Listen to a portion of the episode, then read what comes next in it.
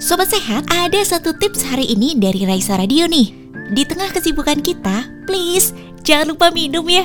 Karena nih Sobat Sehat kurang minum ini berdampak buruk loh pada tubuh kita. Salah satunya terkena penyakit batu ginjal.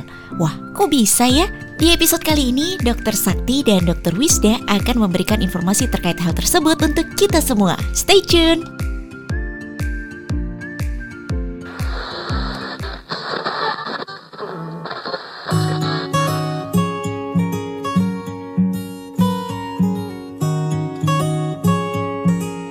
Pagi sobat sehat sekalian. Oke, perkenalkan saya Dr. Wisda Kusuma. Saya dari Divisi Urologi Departemen Bedah FKKFK UGM. Kebetulan kami berada sehari-hari di Rumah Sakit Umum Dr. Sarjito. Baik, pada hari ini kita akan bersama-sama berbincang-bincang ya, mungkin lebih tepatnya ya, ngobrol-ngobrol dengan salah satu dari uh, staf di Divisi Urologi Rumah Sakit Umum Pusat Dr. Sarjito. Beliau adalah Dr. Sakti Ronggowardana Burjonegoro, spesialis urologi konsultan. Beliau merupakan guru saya dan saat ini beliau merupakan konsultan di bidang androurologi. Jadi bagi teman-teman yang mungkin memiliki masalah ya atau mungkin ada pertanyaan ya seputar kejantanan ya seputar fertilitas di laki-laki mungkin bisa datang konsultasi ke beliau ya di Rumah Sakit Umum Pusat Dr. Sarjito.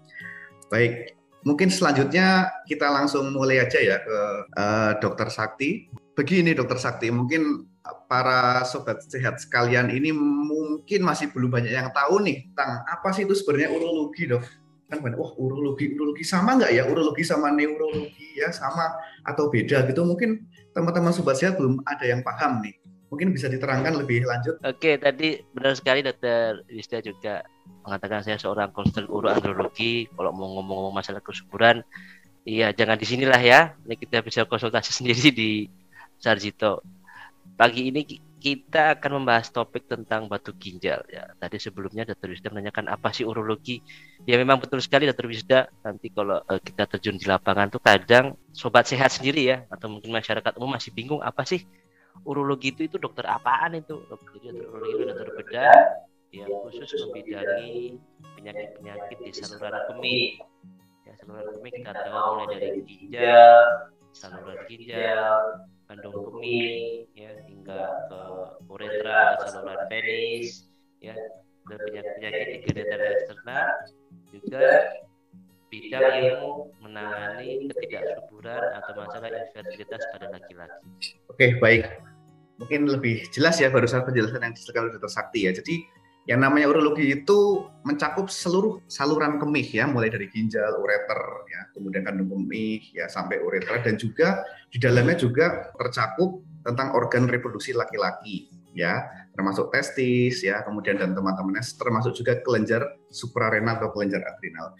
Baik, uh, mungkin uh, untuk lebih uh, mengangkat topik pada pagi hari ini ya, baik Dokter Sakti ini mungkin banyak sekali nih pertanyaan dari sobat sehat sekalian ya tentang apa sih itu uh, batu saluran kemih ya? Apa sih itu batu ginjal? Apa sih itu batu kencing? Atau mungkin ada yang bilang sama nggak ya batu kencing sama batu empedu? gitu ya. Kadang ada yang waduh sama nggak sih dok? Ini apa bedanya ya sama batu yang kita temuin di pinggir jalan ya mungkin banyak yang belum tahu nih dokter Sakti bagaimana bedanya dokter eh bagaimana bedanya batu di kandung kemih, batu di ginjal dan lain sebagainya. Oke, ya terima kasih dokter Wisda. Memang kalau di lapangan ya di klinis kita itu akan sering ketemu ya atau orang awam bilang batu ginjal ya itu sebenarnya referensi masyarakat umum uh, kan adanya suatu kasus batu di saluran kemih. Cuma orang awam sering nyebutnya aja sebagai batu ginjal. Padahal kita tahu bahwa batu itu bisa ter, terbentuk di sepanjang saluran kemih. Ya, baik itu mulai dari ginjal, ya saluran ginjal atau kita sebut ureter, bisa terjadi timbul batu juga di kandung kemih dan di saluran penis atau kita sebut uretra. Ya itu kadang orang awam menganggapnya mau batu di ginjal mau batu di ureter mau di kandung kemih mau di saluran penis. Orang awam akan menyebutnya itu sebagai batu ginjal. Ya seperti itu oke. Okay. jadi beda ya mungkin antara sering kita bilang wah ini batu saluran kencing batu batu ginjal ya ternyata beda ya mungkin dari segi anatominya tergantung batunya itu menetap di mana kalau batunya menetap di ginjal disebut batu ginjal ya. Kalau batunya menetap di saluran penghubung antara ginjal dan kandung kemih disebut batu ureter ya. Atau batunya menetap di dalam kandung kemih ya. Kandung kemih itu organ yang uh, menampung urin kita sementara ya sebelum kita keluarkan di toilet ya. Namanya adalah batu kandung kemih.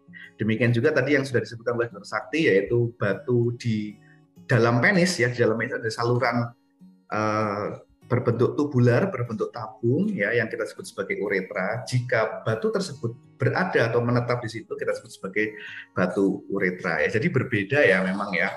Uh, dari sini sudah mulai ada gambaran nih. Oh ternyata batu itu nggak cuma di satu tempat. Tapi kira-kira nih Dokter Sakti, apa sih faktor risiko atau kira-kira faktor-faktor yang mungkin mencetuskan terbentuknya batu, entah itu di ginjal, entah itu di ureter, entah itu di kandung kemih atau di uretra. Ya kira-kira apa? Baik. Ya, terima kasih. Jadi kalau kita ngomong batu ginjal, tentu dia nggak tiba-tiba terbentuk ya di dalam tubuh kita. Tentu ada yang kita sebut faktor risiko ya. Faktor risiko apa saja sih yang ada dalam diri manusia yang dia itu membuat kita rentan akan timbulnya batu dalam tubuh kita ya faktor risiko terbagi menjadi dua, yaitu faktor intrinsik ya, faktor dari dalam tubuh kita itu faktor yang tidak bisa kita apa-apain ya, faktor yang kita tidak bisa memodifikasi ya. Salah satu faktor dari intrinsik ya adalah jenis kelamin ya. Kita nggak bisa ngapa-ngapain dong. Jenis kelamin kita, masa kita protes jenis kelamin kita apa ya. Data menunjukkan bahwa laki-laki itu berisiko lebih tinggi ya untuk menderita batu dengan perbandingan tiga banding satu ya. Artinya kalau dari ada empat orang itu yang sakit batu tiga orangnya itu laki-laki ya. Sedangkan satu orangnya itu perempuan. Itu faktor intrinsik yang pertama. Yang kedua usia ya. Ternyata usia itu ya juga berpengaruh. Kapan sih usia yang paling rentan timbul batu? Itu adalah usia pada saat kita aktif bekerja ya ada data yang menunjukkan di usia 30 sampai 50 tahun ada yang menunjukkan data 40 sampai 50 tahun. Ya average di usia-usia segitulah. Uh, seorang laki uh, seorang manusia itu uh, sangat berisiko untuk timbul batu. Ya mulai dari biasanya karena pengaruh gaya hidup. Ya kemudian faktor lagi yang ya bisa faktor apa uh, usia faktor keturunan ya.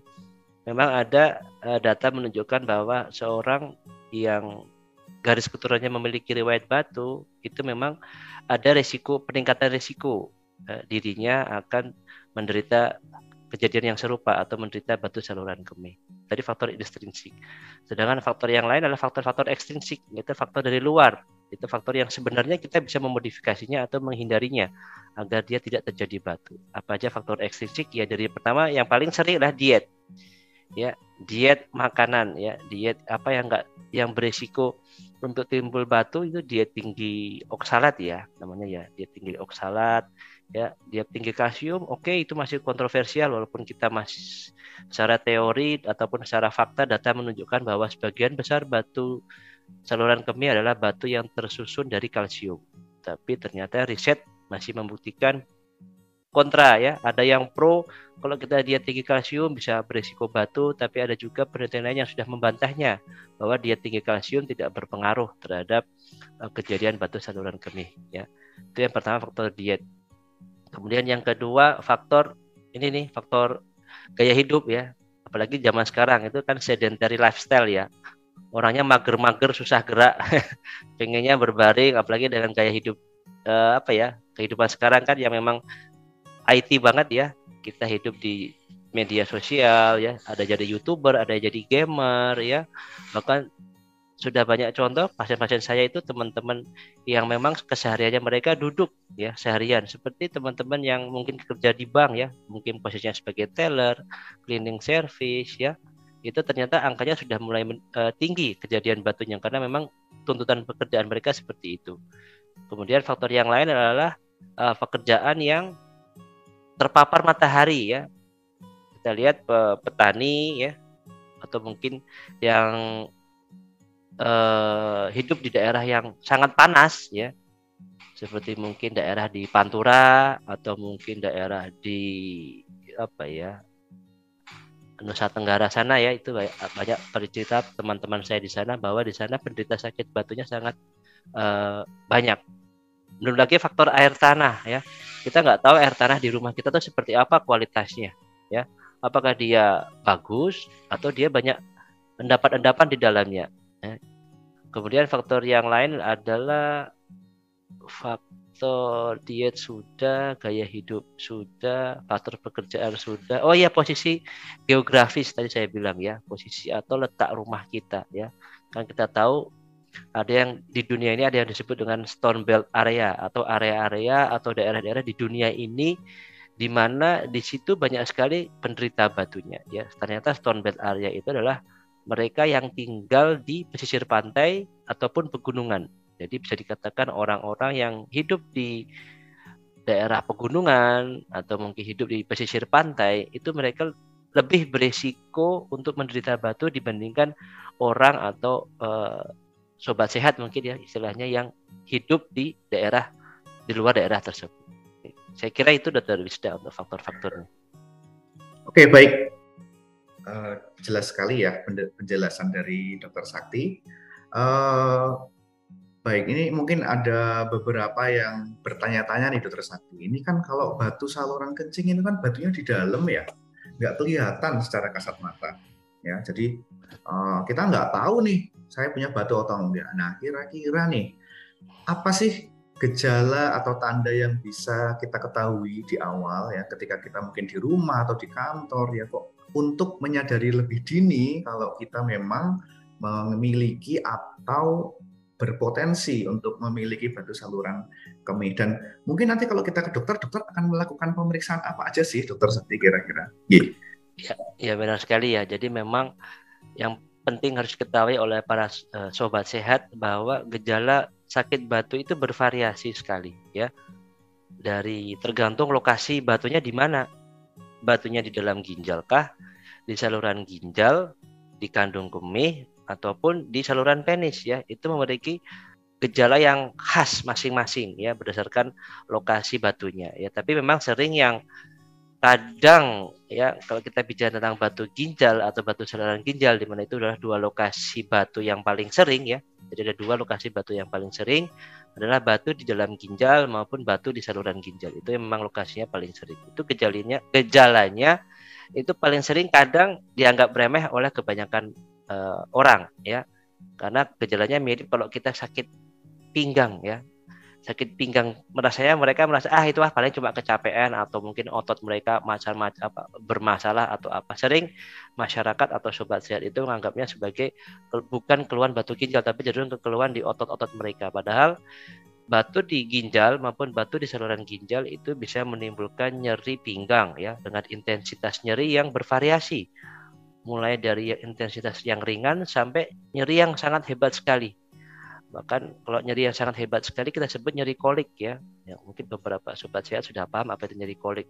Di mana dikatakan itu kalau seorang e, manusia ya mengalami nyeri kolik itu sakitnya luar biasa ya kolik kolik dalam hal ini kolik batu ginjal ya atau kolik batu ureter ya itu nyerinya sangat hebat bahkan dikatakan nilai nyerinya itu lebih tinggi daripada nilai seorang ibu melahirkan. Ya, jadi nyerinya memang begitu hebatnya. Dan nyerinya biasanya dirasakan di punggung. Nah, tergantung di lokasinya nih. Kadang ada nyerinya akan di dari punggung belakang akan menjalar ke perut depan. Ada yang menjalar sampai ke perut bagian bawah, bahkan ada yang sampai yang menjalar sampai ke maaf ya alat kelamin, baik itu pria ataupun wanita. Dan khusus pada batu di saluran ginjal bagian bawah biasanya keluhan nyeri pinggang akan disertai ada perubahan pola berkemih. Ya, biasanya pasien atau pasien akan mengarahkan nyeri pola berkemihnya berubah nih jadi sering kencing atau mungkin ada kesulitan atau ketidaknyamanan dalam berkemih. Bahkan ada yang sampai nggak bisa pipis sama sekali. Nah, itu biasanya gejala-gejala yang paling sering dijumpai. Kemudian yang kedua adalah gejala pipis ya. Beberapa pasien akan mengeluh pipisnya itu berdarah ya, timbul perdarahan padahal mereka nggak ngapa-ngapain e, habis kecelakaan juga enggak, habis jatuh juga enggak, tiba-tiba kencing mereka berdarah dan disertai rasa nyeri. Selain kencing berdarah, kadang beberapa pasien juga mengeluhkan eh, apa namanya kencing keluar pasir ya. Bahkan ada yang sampai keluar batu.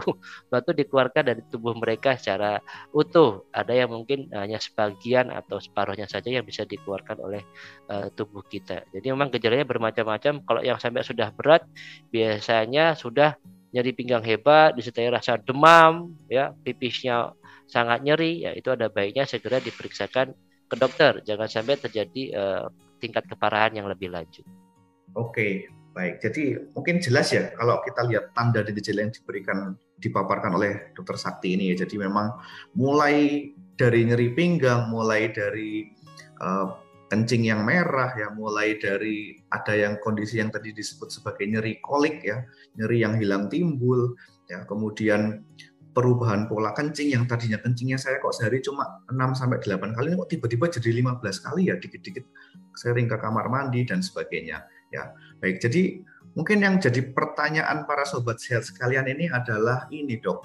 Nanti kalau seandainya saya saya ke dokter kan mereka mungkin was-was ya. Wah nanti saya mau diperiksa apa ya kira-kira ya? Mau di ronsen apa ya? Atau jangan-jangan nggak perlu di ronsen nih, mau, mau langsung dioperasi sama dokternya. Jadi mungkin banyak yang khawatir ya. Wah batu masih operasi, batu masih operasi. Nah ini kira-kira bagaimana nih dokter Silvi? Apakah uh, dokternya nanti akan melakukan pemeriksaan yang kira-kira invasif atau tidak nih dok kalau di poliklinik. Jadi memang itu ya salah satu di masyarakat kita kalau namanya berkunjung ke dokter tuh kadang beberapa atau mungkin mungkin banyak ya masih ya banyak yang merasakan takut. Apalagi dokter ketemu dokter bedah nih. Nanti tiba-tiba saya harus dibedah-bedah pikirannya udah ke mana-mana macam-macam ya tapi sebenarnya nggak seperti itu ya. Nggak enggak semua pasien itu harus dibedah ya. Apalagi penyakit penderita batu ginjal itu enggak semua pasien harus kita lakukan operasi ya, ya nanti nggak usah khawatir nanti bagi sobat sehat atau masyarakat yang lain itu mengalami keluhan uh, batu saluran kemih atau batu ginjal nggak usah takut untuk pergi ke dokter ya ke dokter urologi. Ya nanti biasanya kalau di poli kita akan memeriksa ya standar saja sih ya kita lakukan USG ya. USG itu ibaratnya stetoskopnya buat kami para urolog ya. Urolog dokter adi urologi ya. Itu kami selalu menggunakan USG di situ kita bisa melakukan screening ya. Kita lakukan screening secara sederhana dengan cepat tidak menyakitkan cuma USG ya. USG itu cuma ditempelin seperti alat ke tubuh kita ya untuk dicek di ginjalnya gimana ada batu apa tidak kemudian ada pembengkakan di ginjalnya apa enggak Kemudian dari USG kita bisa lihat di kandung kemihnya seperti apa, ada masalah apa enggak. Jadi itu screening awal. Setelah kita lakukan USG, baru oh ini ada nih, misalnya ada batu, ada ukuran kecil, oh ukurannya berapa ya? Baru kita mungkin butuh pemeriksaan lebih lanjut ya. Ataupun kalau kita ragu kok di USG kayaknya nggak ada apa-apa, cuma kok ginjalnya bengkak ya, kita bisa perlu pemeriksaan lebih lanjut ya. Kita bisa minta ronsen kita bisa minta uh, cek fungsi ginjalnya ya. Itu pemeriksaan dasar cek fungsi ginjalnya seperti apa dari darah kita bisa cek kemudian kita cek air kencingnya seperti apa ada infeksi apa enggak ada gejala enggak tanda-tanda mengarah ke batu apa tidak karena tidak semua pembengkakan ginjal itu karena batu. Ya jadi nggak usah takut tidak semua pasien dengan penderita batu akan dioperasi ya nanti kita akan melakukan pemeriksaan dulu kita screening dulu. Kita lihat yang penting bener nggak ada batu di saluran kemih kita? Kalau bener posisinya di mana? Ya kalau sudah tahu posisinya ukuran yang menyumbat itu seperti apa? Dalam hal ini batu ya batunya di sebelah mana lokasinya? Berapa jumlahnya? Eh, sebanyak apa? Di sebelah mana kanan atau kiri? Dan letaknya jadi kita itu akan bisa melihat, oh ini kira-kira harus operasi nih, atau oh ini kira-kira bisa diobati kok dengan obat aja. Nah, jadi itulah pemeriksaan yang akan kita kerjakan kalau ada pasien yang datang ke poliklinik untuk bertemu dengan keluhan mereka mengarah ke batu saluran kemih. Jadi nggak semuanya Pak datang ke sini ya, oke besok Bapak operasi nggak seperti itu. Ya tidak se ekstrim itu. Itu Dokter Wisda. Baik, terima kasih Dokter Sakti ya. Jadi ini menjawab juga ya ada mungkin penanya nih dari Sasha Puspita ya. Selamat pagi Radio Raisa, pagi Dr. Satin, Dr. Wisda. Izin bertanya apakah penyakit batu ginjal ini wajib operasi? Ya, jadi jelas ya jawabannya ya. Tidak semua kasus batu ginjal itu akan dilakukan operasi. Ya, ada beberapa memang uh, modalitas terapi atau pilihan pengobatannya yang memang bukan operasi ya atau memang kalaupun dilakukan intervensi ada juga beberapa intervensi yang memang tidak begitu invasif ya. Jadi kadang kita sering bertanya-tanya tuh ya kalau di luar ya namanya operasi itu kan pasti diiris ya. Nah, operasi ini pasti diiris. Ya. Ternyata nggak seperti itu juga ya. Baik, ini ada pertanyaan juga dokter Sakti dari Ratna Ningsih ya. Pagi dokter, terima kasih atas penjelasan yang menarik sekali. Dok, gaya hidup yang seperti apa nih yang menjadi rentan terkena batu ginjal ini? Oke, terima kasih untuk ini Mbak Ratna Ningsih Utami atau Ibu ya. Jadi menanyakan tentang gaya hidup. Nah ini sebenarnya nih yang paling banyak sering ditanyakan ke, ke saya juga pada pasien-pasien. Dok, apa sih kira-kira apa yang harus saya hindari? Atau mungkin kok ini pertanyaan gaya hidup apa yang rentan ya? Rentan paling sering yang bikin gaya hidup apa seorang laki uh, laki-laki atau perempuan yang sama aja yaitu menderita sakit batu adalah biasanya kurangnya asupan minum mereka yang tadi Mbak Galuh juga ada ngomong, wah jangan lupa bawa tumblernya nih. Ya benar sekali ya. Saya sendiri kok di mobil selalu minum satu setengah sampai dua liter per hari ya. Jadi kadang bagi sobat sehat yang malas minum ya dalam hari ini kita minum air putih loh ya, ya malas minum air putih alangkah baiknya itu diperbanyak deh air putihnya ya. Rekomendasi mengatakan bahwa kita harus uh, berkemih ya atau kita harus minum ya at least 2 liter per hari. Ada yang ngomong 2 sampai 3 liter ya. Air kencing kita harus seperti itu ya. Caranya seperti apa sih? Mengetahui status cairan tubuh kita cukup saya kira sudah seperti banyak di mall ya kalau kita ke toilet di mall itu kan sudah ada indikatornya saya nggak tahu kalau toilet di perempuan tapi kalau toilet di laki-laki itu biasanya di depan tempat pipisnya itu udah ada stikernya di depannya bahwa oh ini kalau warnanya kuning ini seperti ini. Kalau warnanya apa putih seperti ini kok warnanya coklat berarti anda kurang cairan. Sebenarnya saya mau nambah tuh gambarnya tuh dokter Wisda paling bawah harusnya warna merah. Oh ini harus bapak ya, bapak harus ke dokter nih. Ya jangan sampai kencingnya ber, berdarah. Jadi memang yang gaya hidup yang paling rentan itulah malasnya kita minum air ya. Minum air putih. Kemudian yang kedua itu adalah gaya hidup malas gerak kurang olahraga ya. Yang hobinya cuma tidur tiduran ya. Hobinya nggak pernah olahraga ya. Itu beresiko ya. Bukan pasti jadi batu sih enggak. Cuma dia beresiko dibandingkan orang yang hobinya olahraga. Tapi orang yang hobinya olahraga cuma jarang minum juga ya itu juga sama aja. Jadi sebenarnya uh, banyak hal. Masalah diet seperti apa sih bahkan beberapa pasien atau mungkin banyak pasien ya tanya ke saya dok saya hobinya minum nih susu kalsium dengan berbagai macam mereknya. Dia udah belajar nih pasiennya. Dok padahal kan batu batu ginjal itu kan banyaknya tersusun dari kalsium. Nah ini saya nih tiap pagi nih minumnya susu tinggi kalsium gimana dok? Boleh apa enggak? Gitu. Saya bilang boleh-boleh aja bu. Pak ya mau bapak minum tinggi kalsium nggak ada masalah. Yang nggak boleh adalah bapak minum susu tinggi kalsium dari pagi, siang, sore, malam minumnya itu terus. Itu ya nggak boleh. Tapi kok tiap pagi ya minum teh, ada yang ngomong tahu dok nanti teh kebanyakan bisa bikin bisa bikin batu. Oke benar teh itu merupakan salah satu uh, minuman yang memang dia tinggi tinggi tanin tinggi oksalat ya di mana itu salah satu dari diet yang bisa berisiko membentuk batu. Tapi kan nggak segitunya juga ya ngapain? Misalnya dia tiap pagi kayak orang Inggris lah tiap sore dia kebiasaan minum teh.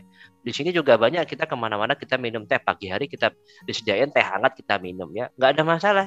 Itu sebenarnya. Cuma ya nggak boleh dari pagi siang sore malam mau tidur minumnya teh doang. Nah itu yang jelas pasti akan berisiko untuk bisa timbul batu di kemudian hari.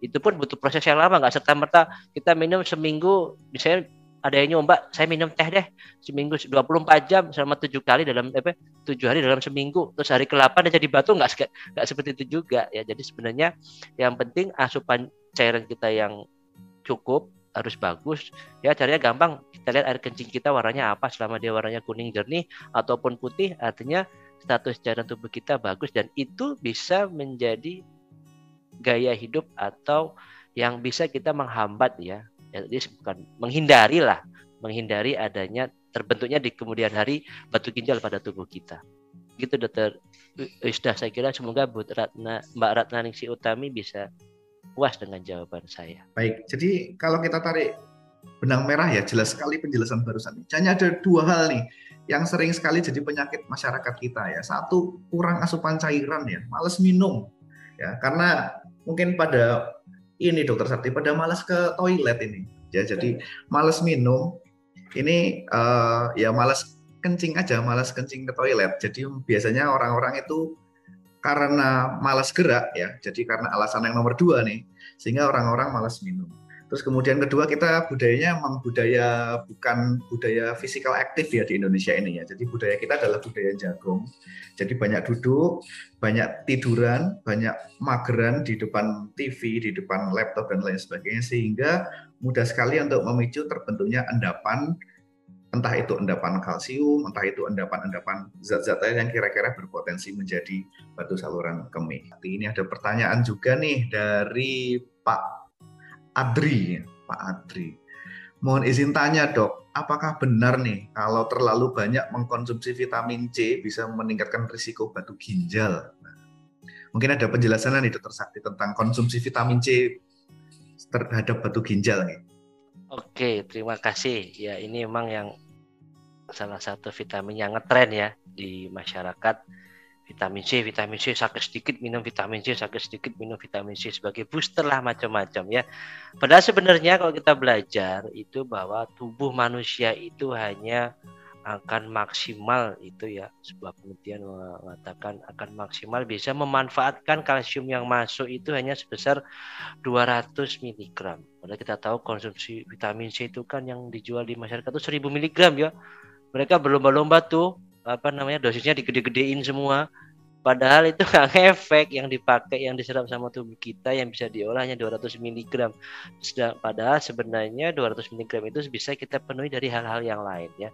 Dari konsumsi apa buah sayuran ya. Makanan-makanan yang tinggi vitamin C itu bisa cukup sebenarnya. Cuma kadang namanya sehat itu kadang apa ya nggak yang penting kita pede nih ya. Biasanya kan mereka minum vitamin C itu biar rasa kepercayaan diri oh ini saya sehat. Itu sebenarnya nggak ada masalah ya. Jadi meningkatkan rasa percaya diri mereka dalam jiwa mereka apa tubuh mereka tuh sehat dengan vitamin C. It's okay sebenarnya nggak nggak ada masalah. Cuma memang riset membuktikan bahwa yang over ya over vitamin C misalnya dia tiap hari minum tuh suplemen vitamin C tiap hari dia minum terus. Padahal sehari itu kan satu tablet itu kan 1000 miligram ya yang dipakai cuma 200 sen yang 800 dibuang pakai ke, ke kencing tuh. Ya makanya kencing yang habis minum suplemen vitamin C akan warnanya kuningnya beda ya. Jadi emang terlalu banyak apa over uh, vitamin C itu memang berisiko untuk terjadinya batu ginjal. Benar sekali ya dari set tadi barusan saya baca itu di set di Inggris yang melibatkan hampir 23 ribu lebih ya partisipan itu ternyata diteliti bahwa orang yang mengkonsumsi tinggi kalsium ya selama dua tahun ya dua tahun mereka minum tuh tinggi kalsium terus ya tinggi vitamin C itu ternyata angka kejadian atau risiko mengidap batu ginjal naik hingga dua kali lipat. Jadi memang sebaiknya kalau mau minum konsumsi vitamin C saya sih nggak ada masalah ya. Boleh sekali kita minum nggak ada masalah toh yang 800 kita buang. Cuma nggak perlu deh tiap hari kayaknya. Begitu dokter bisa semoga Pak Adri ya ini bisa terpuaskan. Jadi nggak usah tiap hari minum Pak untuk vitamin C-nya sesekali aja nggak ada masalah. Oke baik, jelas sekali penjelasannya ya. Mungkin jelas sekali penjelasan tentang konsumsi vitamin C ini ya dan berbagai mitos yang berkembang di masyarakat ya. Jadi nggak perlu nih kita minum vitamin C 1000 mg per hari, per hari, per hari. Just wasting your money and wasting your uh, organ ya. Baik, Uh, mungkin ada pertanyaan lagi dari Pak Budi nih, Dokter Sakti. Izin bertanya, kalau batu itu keluar sendiri, ya, lewat kencing ya maksudnya ya, apakah berarti batu ginjalnya sudah bersih atau masih perlu diperiksa lagi ke dokter nih dok? Kalau udah keluar di kamar mandi, plung gitu ya. Oke, terima kasih Dokter Wisda dari Pak Budi ya. Memang kadang pengalaman yang mungkin tidak menyenangkan ya untuk beberapa pasien yang pas kencing eh kok tiba-tiba keluar sesuatu ya. Keluar batu apalagi biasanya disertai rasa nyeri tapi ada beberapa pasien yang pada saat mereka mengeluarkan batu tidak merasakan apa-apa. Tapi itu Pak Budi bukan berarti udah nggak ada di situ ya. Belum pasti batunya yang di dalam tubuh itu cuma yang keluar itu ya. Tetap harus dicek apalagi bapak pernah uh, pengalaman misalnya keluar batu memang itu lebih justru lebih harus wajib ke dokter juga ya. Jadi jangan udah keluar batunya jangan ah berarti udah habis. Justru mah dipola pikirnya dibalik. Karena saya keluar batu saya harus wajib ke dokter nih melebihi orang yang nggak pernah lewat keluar batu. Ya justru orang yang pernah kencing batu buat saya amat sangat disarat lebih disarankan lagi untuk bertemu dokter untuk dicek.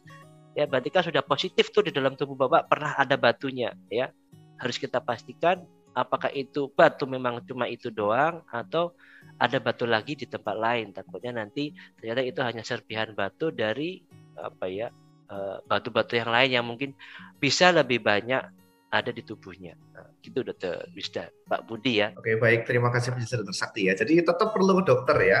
Jangan-jangan ada batu di tempat lain. Ya, kesimpulannya. Oke, baik. Ini ada pertanyaan juga dari Pak Geri dari Wonosari ya. Wonosari nih, Gunung Kidul. Apakah benar tempat tinggal seperti saya di gunung ya juga mempengaruhi kemungkinan adanya batu ginjal? Dan bagaimana nih dok usaha saya kalau saya udah telanjur tinggalnya di Wonosari, bagaimana nih upaya-upaya yang harus saya lakukan kira-kira? Baik, terima kasih Pak Gary ya di Wonosari. Ya, memang Pak tadi saya di awal saya sudah sedikit menjelaskan ya bahwa memang di dunia ini sudah ada yang membuat peta ya, peta batu. Di mana aja sih penduduk-penduduk yang berisiko rentan untuk timbul batu ya disebut uh, stone belt area tadi saya bilang ya. Jadi sabuk batu. Stone itu kan batu, belt itu kan sabuk. Jadi orang yang, hidup di sabuk batu di dunia ini itu akan berisiko lebih tinggi dibandingkan orang yang hidup di luar daerah tersebut ya. Seperti Bapak di daerah uh, pegunungan ya, Wonosari itu daerahnya kering juga, memang itu berisiko lebih tinggi Pak ya untuk timbul uh, terjadinya batu. Biasanya karena kaitan dengan paparan sinar mataharinya, mungkin juga kualitas air tanah yang kurang baik ya. Tapi bukan berarti saya menyarankan Bapak Bapak pindah dari Wonosari ya nggak se ekstrim itu juga ya. Jadi Bapak mungkin coba deh uh, dicek uh, air tanahnya di rumah seperti apa. Kalau memang warnanya nggak bagus, baunya yang nggak bagus juga, ada baiknya mungkin Bapak minum mencoba minum kalau air putih dengan menggunakan air kemasan ya dengan berbagai macam uh, mereknya itu sebagai salah satu trik atau setidaknya kita berusaha untuk mengurangi resiko uh, terjadinya batu di kemudian hari. Jadi memang benar jawaban saya eh benar ya. Dan saya bisa menjawab bahwa iya Bapak kok di Wonosari itu berisiko iya. Cuma belum pasti ya Pak, bukan pasti batu tapi hanya berisiko lebih tinggi dibandingkan orang mungkin yang tinggal di daerah lain. Kalau di Jogja. Ya, saya kira itu dokter Wisda semoga Pak Giri puas. Tapi bukan terus jangan pindah dari Wonosari ya Pak Giri ya, tetap di Wonosari aja nggak ada masalah ya. Cuma mungkin konsumsi air, uh, artinya mungkin coba pakai air kemasan dulu. Jadi jelas ya untuk Pak Giri ya. Jadi memang paling aman memang sebenarnya mengkonsumsi air minum kemasan. Cuma itu memang menyesuaikan kemampuan dari ekonomi masing-masing individu ya Pak Giri ya. Uh, jadi nggak perlu menyalahkan KTP-nya di Wonosari ya, karena memang itu sudah ya anugerah dari Allah Subhanahu wa taala yang perlu kita lakukan adalah prevensi-prevensi lain dari apa yang kita uh, lakukan di dalam monosari itu ya bisa dengan air minum yang dari air minum kemasan atau kalau memang air, air sumurnya jelek atau dengan aktivitas fisik yang sering. Baik, ini ada ini juga dokter Sakti memang kalau kita di masyarakat itu sering kali bertanya-tanya ya atau sering kali nggak tahu nih kalau kita kita ke dokter urologi itu nanti kira-kira kalau emang dioperasi nih dokternya, wah Pak Bu, ini kan nanti batunya sudah menyumbat, sudah bikin ginjalnya bengkak. Nanti mau kita operasi ya Pak Bu. Ini kira-kira operasinya itu diapakan tuh dokter Sakti? Apakah dibelah perutnya atau dibelah punggungnya? Itu mungkin ada penjelasannya nggak nih dokter Sakti kira-kira? Penting untuk disampaikan ke sobat sehat semua bahwa yang namanya operasi ya itu belum tentu pakai pisau, apalagi sudah zaman maju ya zaman teknologi kita sudah maju seperti ini ya. Zaman uh, eh, IT semakin maju kemampuan teknologi dan alat-alat kita sudah semakin bagus ya.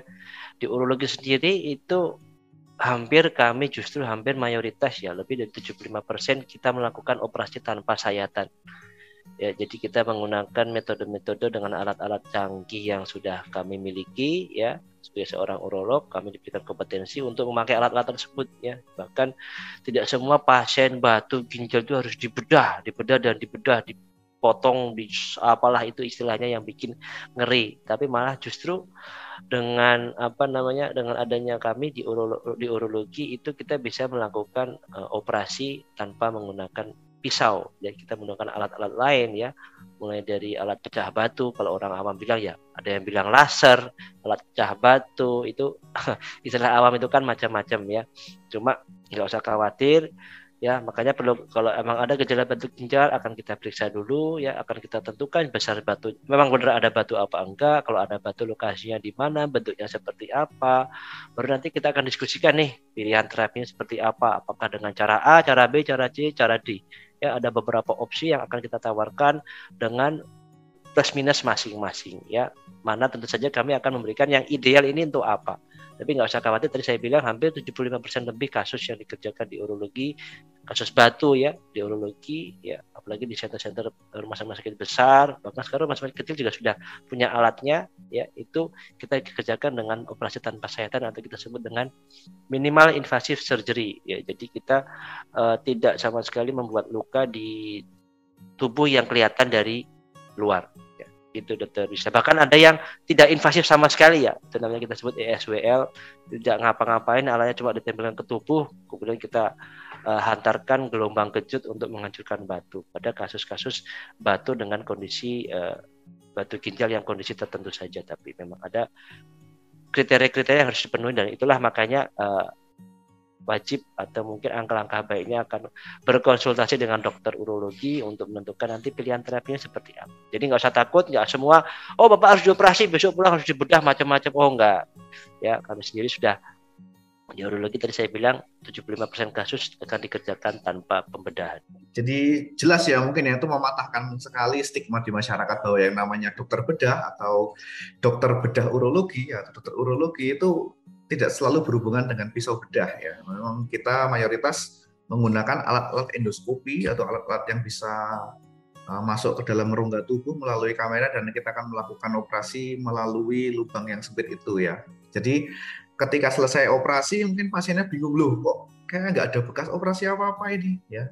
Kok nggak ada bekasnya nih dok, dioperasi nggak saya? Ya, ternyata memang saat ini ya di era milenial sekarang ini memang operasi sudah trennya ke arah minimal invasif surgery seperti yang dijelaskan oleh dokter baru saja. Masih banyak pertanyaan lain ya, tapi karena mungkin ada keterbatasan waktu, mungkin uh, sesi tanya jawabnya bisa kita akhiri sekarang ya. Mungkin ini mendekati detik-detik terakhir bincang-bincang kita nih dok. Kira-kira ada closing statement nggak nih untuk para uh, sobat Raisa, eh sobat sehat sekalian di rumah ini? Oke, closing statement ya. Oke, mungkin bukan nasihat ya, cuma saran aja buat para sobat sehat di Jogja dan sekitarnya bahwa hidup sehat itu sangat penting ya, terutama konsumsi cairan kita harus bagus ya. Setidaknya kita harus minum 2 liter per hari, ada sampai 3 liter ya nggak usah too much sampai 4 sampai 5 liter sampai bahkan sampai ada pasien saya sampai minum sampai 6 liter per hari. Itu juga berlebihan ya karena nanti bolak-balik ke kamar mandi capek juga stres juga. Ya jagalah konsumsi 2 sampai 3 liter sudah cukup ya. Tidak harus air putih semua tuh 2 3 liter. Masih ada es teh es teler es durian yang enak-enak ya. Jadi nggak usah strict sekali ya. Tetap konsumsi air yang penting cukup. Dari mana kita bisa lihat status cairan tubuh kita cukup simpel sekali kita lihat warna urin yang keluar dari tubuh kita. Selama warnanya masih kuning jernih ataupun putih artinya tubuh kita asupan cairannya cukup. Tapi kalau warnanya sudah mulai pekat ya coklat artinya kita harus meningkatkan tuh asupan cairan kita agar setidaknya menghindari risiko terjadinya batu di kemudian hari. Itu yang pertama. Yang kedua berolahraga lah. Olahraga seperti apa? Kalau memang anda penderita batu pilih olahraga yang memilih apa ya yang lompat-lompat yang membuat kita aktif bergerak mau skipping, jogging, volley, badminton, terserah apa pun itu yang memaksa kita untuk melompat selama lutut kita masih sehat maka kerjakanlah. Tapi kalau lututnya sakit ya jangan dipaksain ya. At least jaga olahraga yang bagus juga, olahraga yang terlalu berlebihan juga nggak bagus ya. Jadi untuk menjadi tips untuk menghindari batu ginjal, jagalah konsumsi cairan tubuh Anda dan berolahragalah ya. Jangan mager atau sedentary lifestyle. Saya kira itu Dokter Wisda. Ya, baik ya. Jadi kata-kata terakhirnya sangat jelas sekali ya. Jangan mager ya, jangan malas bergerak. Oke, dan seringlah minum ya, cintailah minum kapan pun dan di mana pun. Oke,